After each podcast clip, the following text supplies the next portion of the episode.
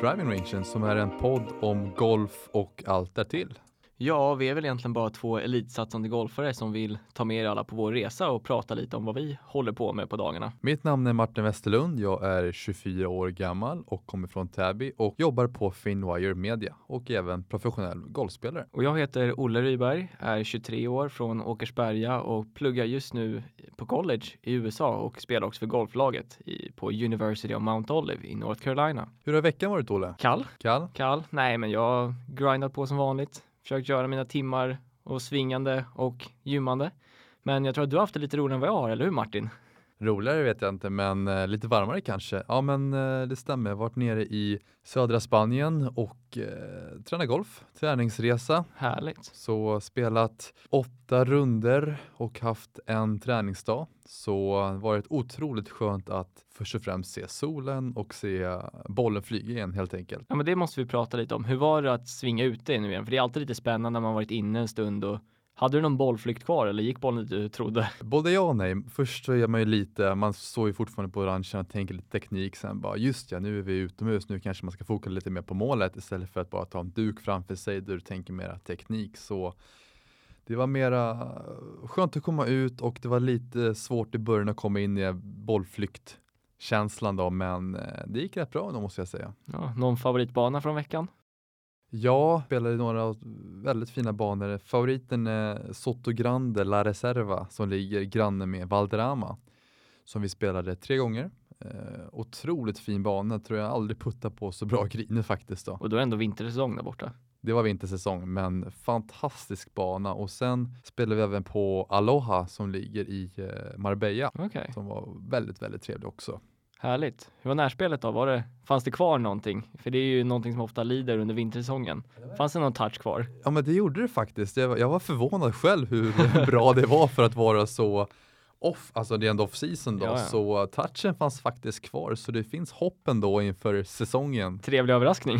Väldigt trevlig överraskning. Så nej, men det var skönt just att komma ut och få spela. Det är som skillnad på att stå inne mot en duk mot faktiskt få spela och när, alla har inte möjligheter att spela eller resa utomlands nu under vintersäsongen. Så man får verkligen vara tacksam att man kan komma iväg och spela. Absolut, och så hörde jag att du träffade en ganska auktoritär person från Europatouren också. Jiménez, var det så att du stötte på honom där nere? Och hur bra vänner är ni nu egentligen? Ja, bra vänner vet jag inte. Vi eh, hälsade på varandra lite snabbt när vi var på Aloha i eh, Marbella där och han är hedersmedlem där. Så vi käkade lunch där ute efter vår runda och sen så gick vi mot parkeringen och när vi gick mot parkeringen då så såg man en eh, karaktär man känner igen gångstilen på. Glajjorna, håret, det var rätt svårt att eh, inte förstå att det var Mr. Jimenez där. Så alltså, en liten olla fick man. Så man var nöjd med det man, man, tog det och gick vidare om man säger så. Ja, ska vi säga några snabba ord om honom så fantastisk människa på det att han gör det på sitt sätt och hittar sin egen väg.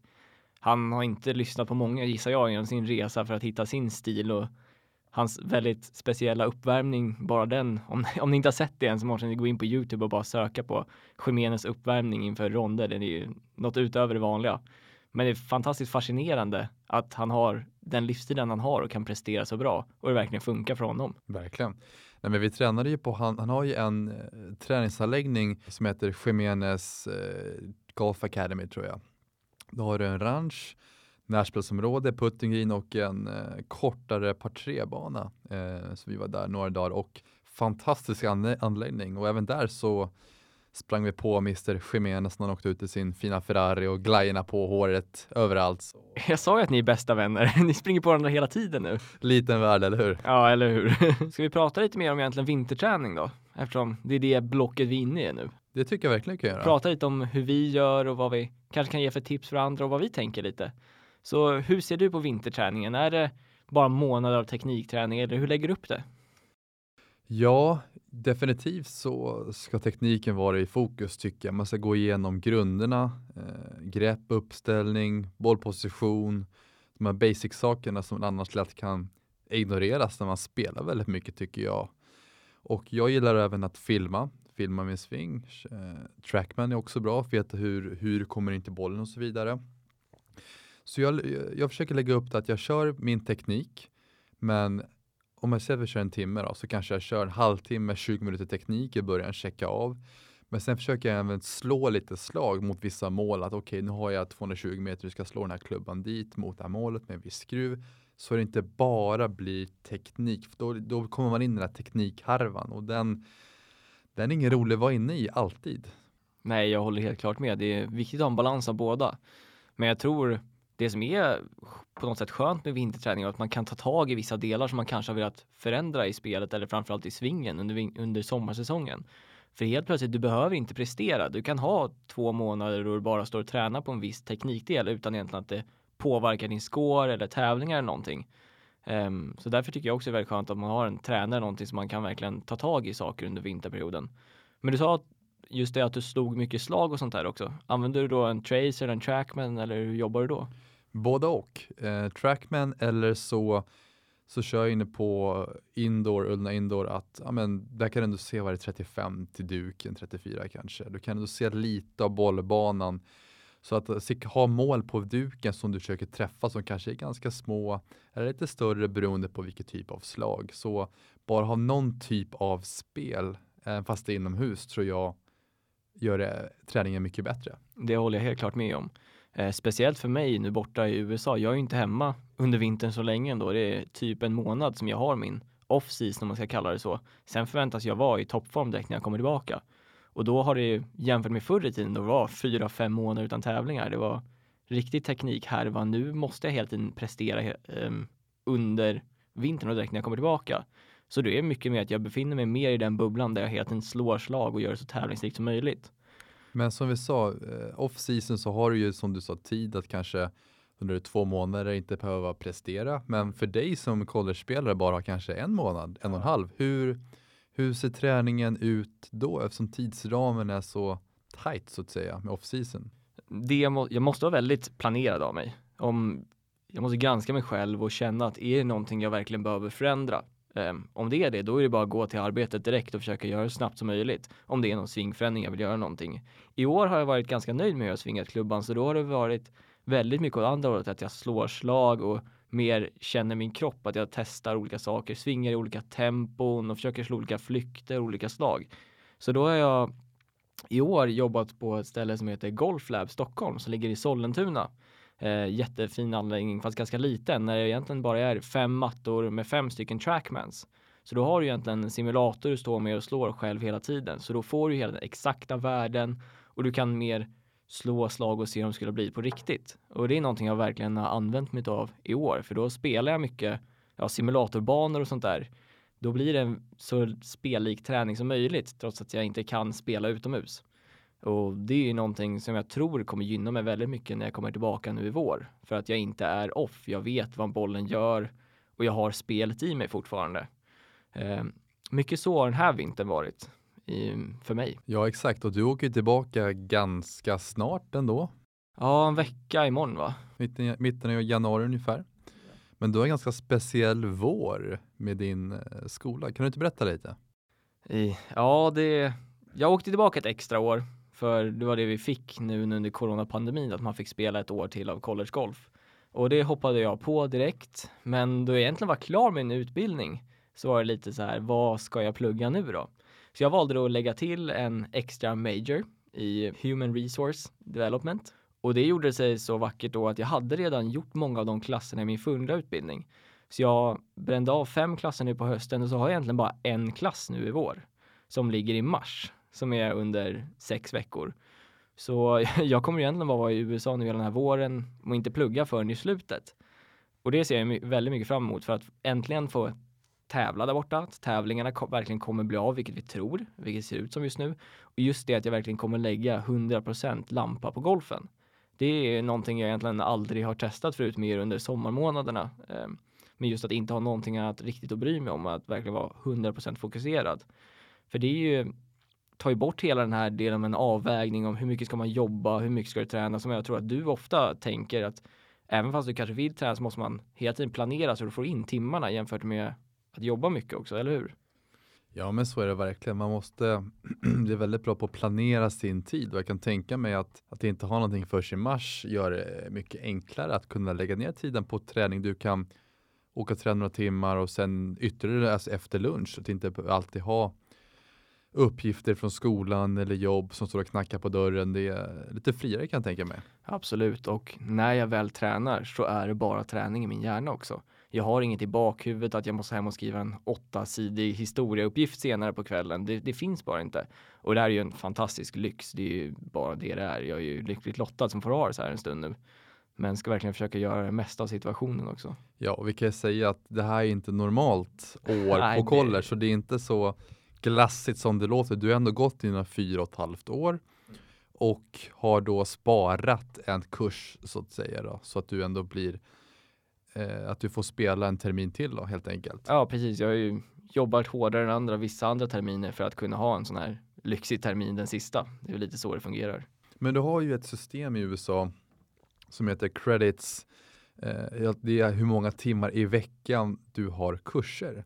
Och nu har du ju tre timmar i vår, vilket är otroligt lite. Jag tror snittet för NCAA, eller minimum för NCAA är väl 12 mm. credits i veckan.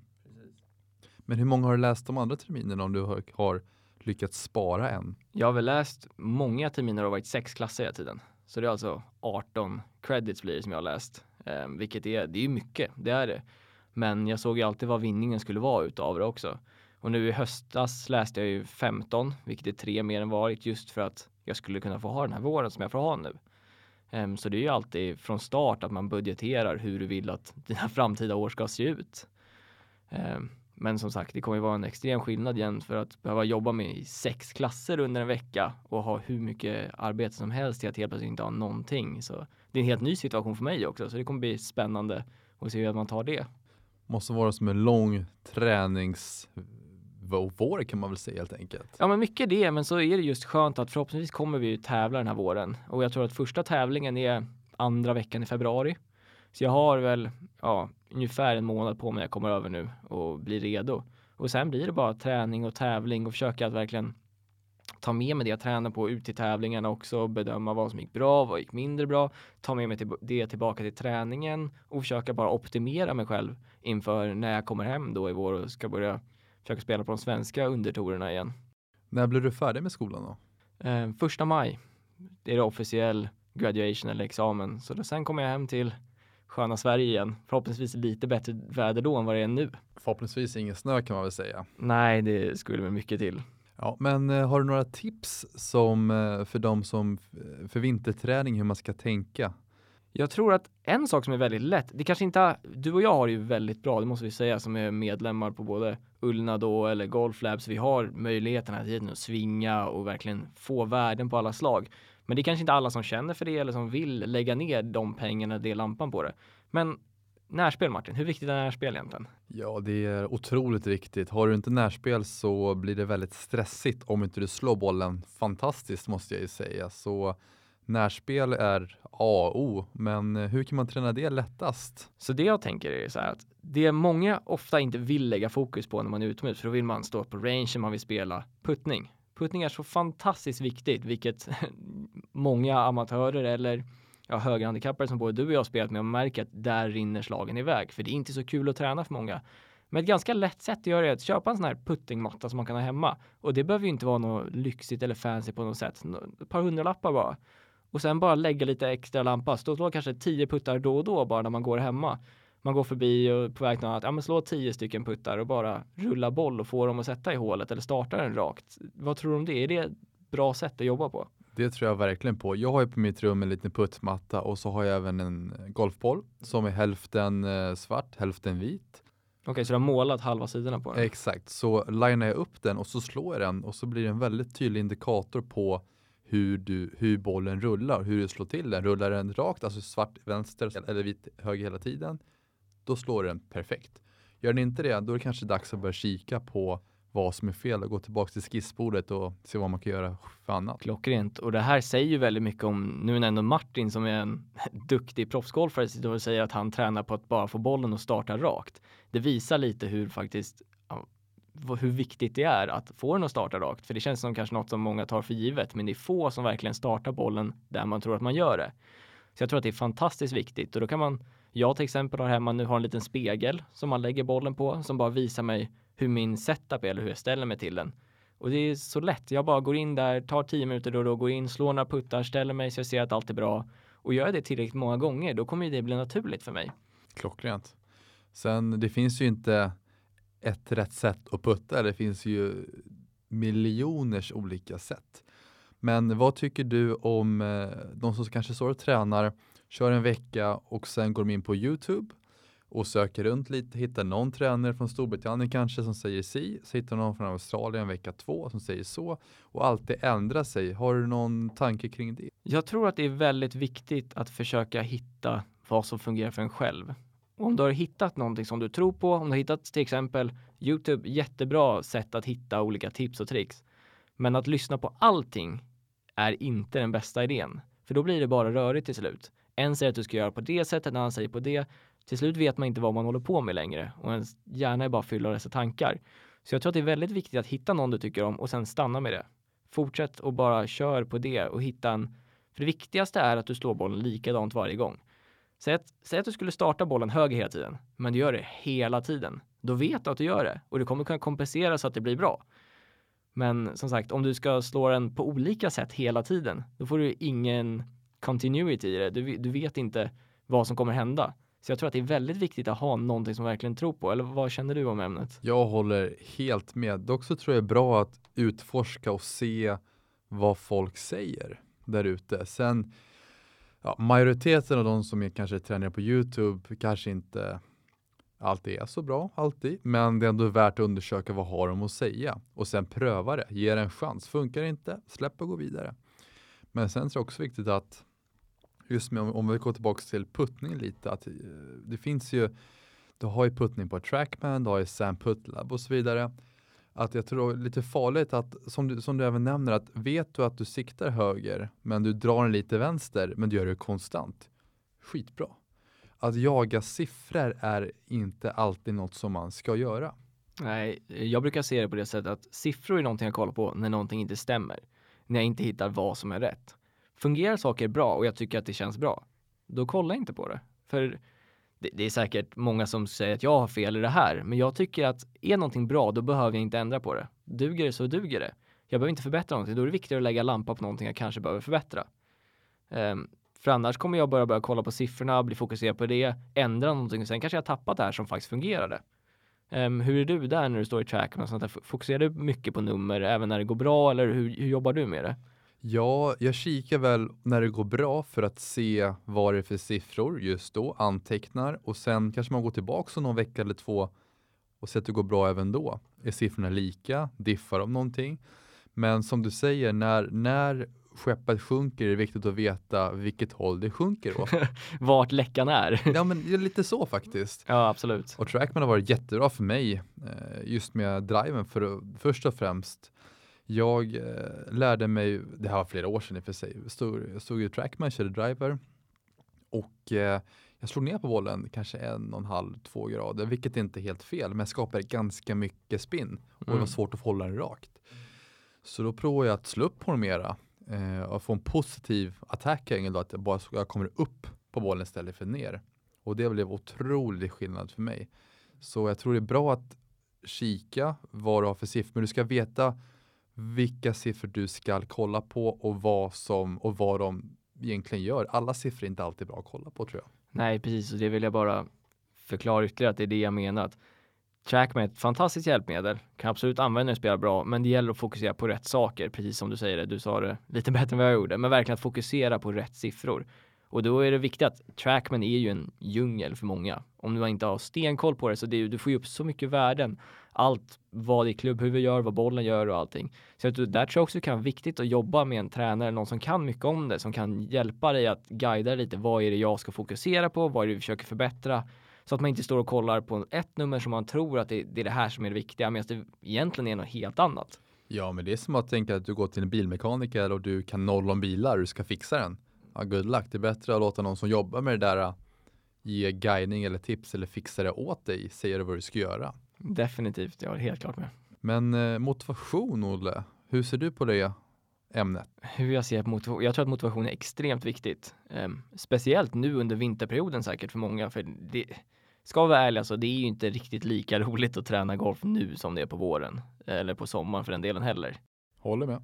Eh, man kan inte spela, du får inte se bollen flyga och du är mycket mer begränsad. Så jag tror att motivationen spelar en extremt stor roll just nu för att verkligen orka göra jobbet. Känner du lite samma sak där? Verkligen, det är mycket lättare på sommaren när det är 20 plus grader. Solen är faktiskt uppe, du, du får se solen och du slipper klä på dig fem, sex lager kläder om du vill vara ute och slå. Och eh, just att slippa inomhussäsongen är plus i kanten också. Så det är så mycket lättare att vara motiverad under sommarperioden. Men hur hittar man då motivationen under kall, mörk, svensk vinter? Jag, jag tror att motivation är så väldigt individuellt. Vad som motiverar mig motiverar inte någon annan. Jag tror att det alltid handlar om att hitta vad det är själv som motiverar en. Vissa är motiverade av pengar, andra är motiverade bara av att känna framgång. Vissa är motiverade bara att se förbättring medan andra vill bara höra någon annan säga att man gör något bra. Alla har olika motivationer och jag tror att men just i golf tror jag det är viktigt att motivationen är bara att man tycker det är kul att spela. Det är glädjen i sporten och det är ju alltid roligare om man spelar bra. Och hur spelar man bra? Man får bollen i hål på färre slag. Man tränar mer för att få bollen i hål, precis. Så jag tror att mycket motivation för mig, det är bara glädjen. För jag tror att det är få gånger jag är så lycklig som när jag, du säger det precis alldeles nyss, 20 grader, solen är står högt upp på himlen eller morgonrunda och man går och man bara känner att man har spelet och man kan göra vad man vill med bollen och tycker det är så kul. Jag tror att det är mycket motivationer för mig att känna den känslan. Så därför är det inte så svårt att träna de här vinterveckorna just för att hitta den känslan mer. Vad, vad, vad tror du att det är som driver det eller vad är din motivation mycket där? Jag håller helt med vad du säger, att just att se förbättring, att processen, att det går åt rätt håll. Och för min del just nu så jobbar jag på lite teknik i svingen, några positioner jag faktiskt jobbar efter som ska göra det lättare för mig att kontrollera bollen och när jag filmar och ser förändringar så gör det mig mer motiverad att fortsätta träna. Och Eh, sen även fysen så är det också lätt rätt att eh, mäta hur, hur väl du gör. Du har ju löpband, du har vikter, du har rörlighet så även sånt motiverar mig att se skillnad just att det faktiskt går åt rätt håll och man, du, du kommer aldrig se drastiska förändringar inom en kort eh, tidsram. Det kommer liksom, det blir lite varje dag och det är kanske svårt att se direkt men över en, lång, en längre period så blir det rätt tydligt när du kollar tillbaka. Absolut, så där kan vi ta med att just att testa sig själv också är klockrent. Bara som en sån lätt grej, om man bestämmer sig för att putta hemma, gör en gång i veckan så gör man ett test, man slår 20 eller 30 puttar. Bara skriv ner hur många du sätter och så tränar du vidare och så nästa vecka så kör du testet igen jag kan nästan garantera att det kommer bli bättre. Och det där kommer vara en jäkla motivator alltså för att få en att tycka att det är kul. Men det där är så viktigt vad du säger, just att mäta och se hur det faktiskt går. Just att det som man säger på engelska, what's, get what's gets measured gets managed. Att vikten av att faktiskt mäta, okej, okay, gör jag rätt? Går åt rätt håll? På väg någonting? Och så vidare. Ska vi prata lite om just hur vi mäter våra vår träning kanske eller vår golf eller något annat du vill ta upp? Ja men alltså golfen är ju ganska, jag antar att precis ni som vi under college hade mycket statistik. I alla fall vårt lag jobbar med en app som heter Birdifier och där lägger vi hela tiden in våra runder um, och då är det alltså slag för slag. Var slog jag driven på ettan? Var slog nästa slag? Och gjorde så för hela ronderna, varenda tävlingsrunda. Och det det gav oss var perfekta um, sta perfekt statistik på allting. Hur många fairways, vart missar jag på fairway, hur många griner träffar jag, vart tjänar jag och tappar jag slag. Och det är någonting som har varit fantastiskt viktigt för mig, för då har jag verkligen sett vad jag behöver träna på, också om jag blir bättre på de sakerna jag tränar. Um, för det är ju som sagt, som du sa, att det är väldigt viktigt att se så att det verkligen blir bättre också.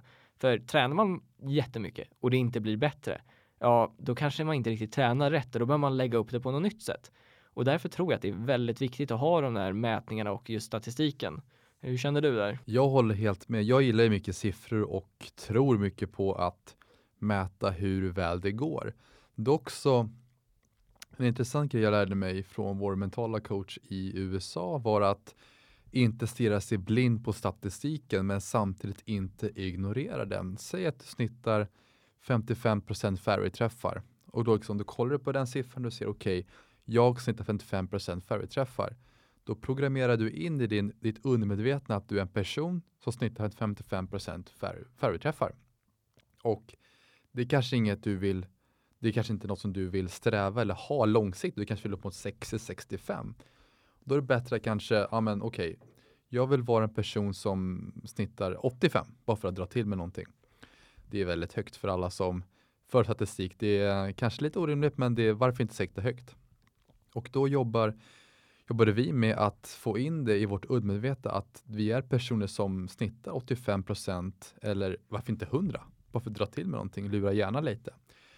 Så vi analyserade väldigt mycket, men det var inte så djupgående att vi blev de personerna som blev som snittet kanske sades. Ja, jag förstår absolut vad du pratar om. Det är jättespännande det där hur man påverkar sitt eget undermedvetna. Um, och en sak jag skulle också vilja lägga till på statistiken att det kanske står att du träffar 55 fairway-träffar.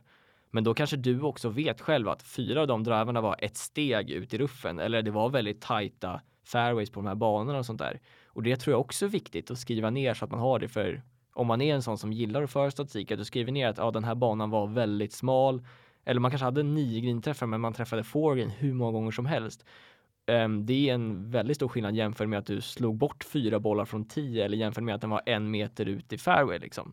Eller en meter ut i ruffen. Precis, så man kan ju lägga till lite där äh, när man för statistik att som du säger, jag hade faktiskt fyra på full green och inte fyra nere i greenbunken som kanske är en större miss. Att man för mer i statistiken så man inte står där på ranchen sen och ska skissa om svingen på att du, jag missade så här många griner. Men du, du har faktiskt bara en meter av green, en halv meter av green. Ja, så det är ju som sagt väldigt viktigt att inte bara stirra sig blind på statistiken. För den kan vara missvisande också om man inte vet hur man har tagit den eller hur förutsättningarna var.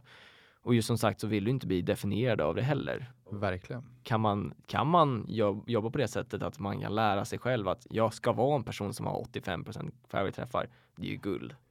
Ja, och det är ju så mycket som alla vet, självförtroende när man spelar. Tänk dig när du, när du puttar som bäst. Du går inte runt och tycker att du är en halvdan puttare. Du ser dig som världens bästa puttare som kan hålla allt. Absolut. Men ska vi prata lite om det? När, när spelet inte riktigt fungerar, du sätter inte lika många puttar, golfen går trögt, det kanske är trögt i gymmet, skolan var jobb, nu är inte du i skolan längre, men kanske mycket på jobbet. Var hittar du motivation om du känner att du behöver en extra kick? Vad, vad, vad vänder du till då? Har du något så här tydligt exempel du skulle kunna ta upp? Ja, för min del när det blir sådär, sån där soppa så oftast beror det på att jag har tränat för mycket och stirrar mig blind på detaljerna. Så jag försöker backa undan, få lite perspektiv på det hela. Jag kanske ja, under sommaren åker ut med båten och nu på vintern kanske gör något helt annat i några dagar för att få en lite fräschare blick på det hela, lite helikopterperspektiv. Och att eh, försöka se vad är det jag gör? Vad behöver jag göra? Och sen att inte vara så hård mot mig själv. Det är väldigt lätt att, säga att du missar två meter i rad. Du, ah, jag är ju världens sämsta puttare, det är väldigt lätt att säga. Men det är man ju inte. Du missar två puttar med kanske några millimeter, några centimeter. Så för min del så beror det ofta på att som sagt det blir för mycket. Jag behöver backa undan, göra något helt annat någon dag, två dagar och få perspektiv på det hela så att det blir lättare att se tydligt. Det där är fantastiskt att du säger, för just det att man, inte, man tar ett steg tillbaka och inte tillåter sig själv att vara på golfbanan eller spela golf. Det enda man kommer vilja göra efter de två gångerna är just att vara tillbaka. Det kan bara ta som exempel att jag har kaddat några varv, till, till exempel åt min flickvän när hon spelar tävlingar. Det enda man vill göra när man kaddar, det kan jag säga, det är ju att spela. Det, det är det enda du vill. Så jag tror att det är väldigt nyttigt det du säger, att när man är inne i den här bubblan, att ta ett steg tillbaka och hitta glädjen i det, förstå varför du gör det egentligen just att du ser glädjen i det, du blir taggad på att spela golf igen. Jag tror att det är extremt viktigt. Hur gör du då? Ja, jag håller med det du säger att det är mycket ta steg tillbaka och verkligen försöka landa i mig själv igen och inse att vad är det som är det viktiga egentligen? Är det att den här armbågsvinkeln är lite off eller är det bara att jag får vara där ute och spela golf igen och försöka hitta glädjen i det? Och jag, jag är ju extrem golfnörd också, det tror jag att vi alla vet här. Men när jag har de här dagarna att känna att fan, vill jag verkligen åka och träna ikväll eller imorgon bitti eller så här. Då kan jag gå in på YouTube och bara slänga upp någon gammal US Open-film eller någonting som bara tar mig tillbaka, titta på Tiger när spelar Pebble eller någonting. Och jag har, man, har man suttit fyra timmar och kollat på en gammal sändning av när Tiger spelar som han gör som bäst. Man blir väldigt, väldigt sugen på att gå ut och göra samma sak, det kan jag säga. Eh, jag tror att jag, absolut funkar inte det för alla, det är inte det jag säger, men om man någonsin vill ha inspiration så att titta på andra som har lyckats eller gör det du vill och man vill ta sig till samma ställe. Det, det driver på en rätt bra. Verkligen. Sen kan man ju säga att när man kollar på som, som, som Tiger, Rory, DJ, de här eh, som verkligen har lyckats, så kan man ju tänka att de har ju säkert haft, eller det vet vi, de har ju haft dagar där de verkligen inte vill träna. Det går skit, det kanske känns allt som är emot dem, men hur gjorde de då? Och liksom sätta sig i deras situation att ja, men ska, ska jag dit så måste jag göra vad de gjorde också. Jag kan inte bara förvänta mig att varje dag ska kännas fantastiskt att gå ut där och ha superkul. Alltså, Nej, nej, nej, absolut inte. Det handlar om att göra jobbet även när du inte vill det. Så är det ju mycket. Eh, Men det ska ju inte vara så att varje dag du kliver ut där du inte är sugen på det längre. Då får man ju börja undra vad som är fel. då kanske du inte ska på golfbanan första. Då ska du inte vara där längre, det kan vi säga. Nej men jag tror, ja, men det är exakt som du säger, det kommer vara dagar man inte vill göra det. Då behöver man egentligen bara en spark i baken ibland tror jag. Eh, om sådana här saker kan hjälpa då så är det ju guld. Men det får inte bli så att det blir åt andra hållet så att man blir lat och inte gör jobbet. Det är ju det är en balansgång däremellan. Skippar du en dag så är det ju fine, men skippa gärna inte två, för då blir det svårare att komma tillbaka om vi säger så. Ja, absolut, om det inte är att man tar en, har bestämt sig att den här veckan ska jag ha off i år, då får det vara off. Som sagt, när man, när man inte jobbar finns det alltid någon annan som gör det. Så är det verkligen. Är det, men det känns som eh, vi fick med det mesta då, Olle.